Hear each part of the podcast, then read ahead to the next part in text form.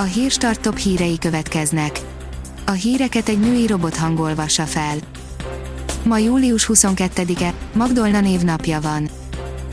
A 24.hu oldalon olvasható, hogy pénzt ajánlottak az Index volt főszerkesztőjének.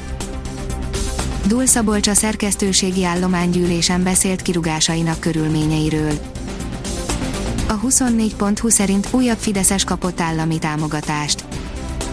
Az önkormányzat korábban arról is döntött, hogy pont a panzióhoz vezető utat fogják leaszfaltozni.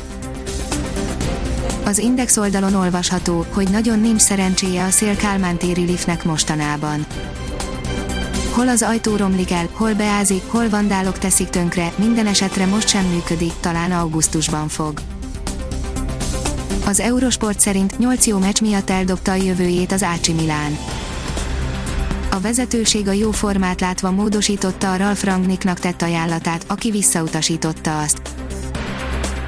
Az NLC oldalon olvasható, hogy Rippel Feri mai fellépése elég kellemetlen volt. Rippel Feri és kisfia Herkules Balatonon mutatták meg a Mokka riporterének a száp rejtelmeit.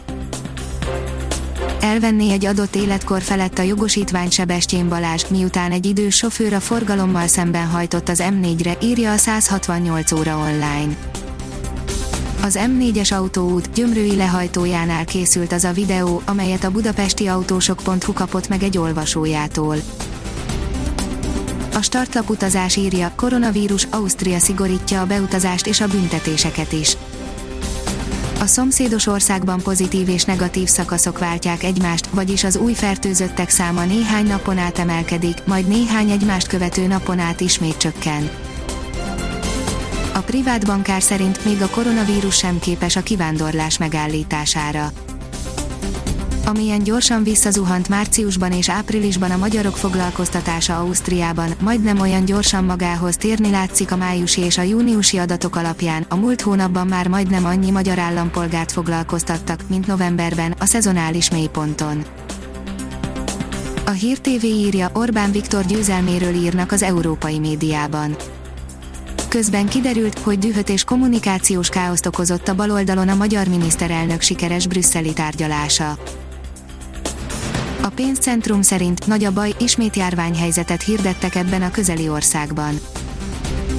Szerdától ismét járványhelyzetet hirdettek Montenegró egész területén, annak ellenére, hogy az Adria parti ország korábban koronamentes övezetté nyilvánította magát, hiszen 42 napon át nem volt új fertőzött.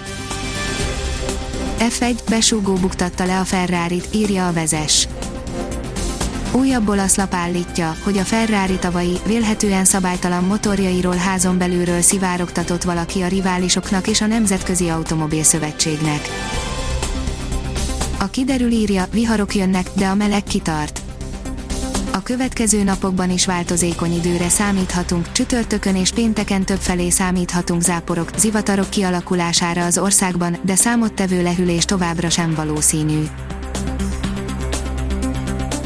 Ha még több hírt szeretne hallani, kérjük, hogy látogassa meg a podcast.hírstart.hu oldalunkat, vagy keressen minket a Spotify csatornánkon.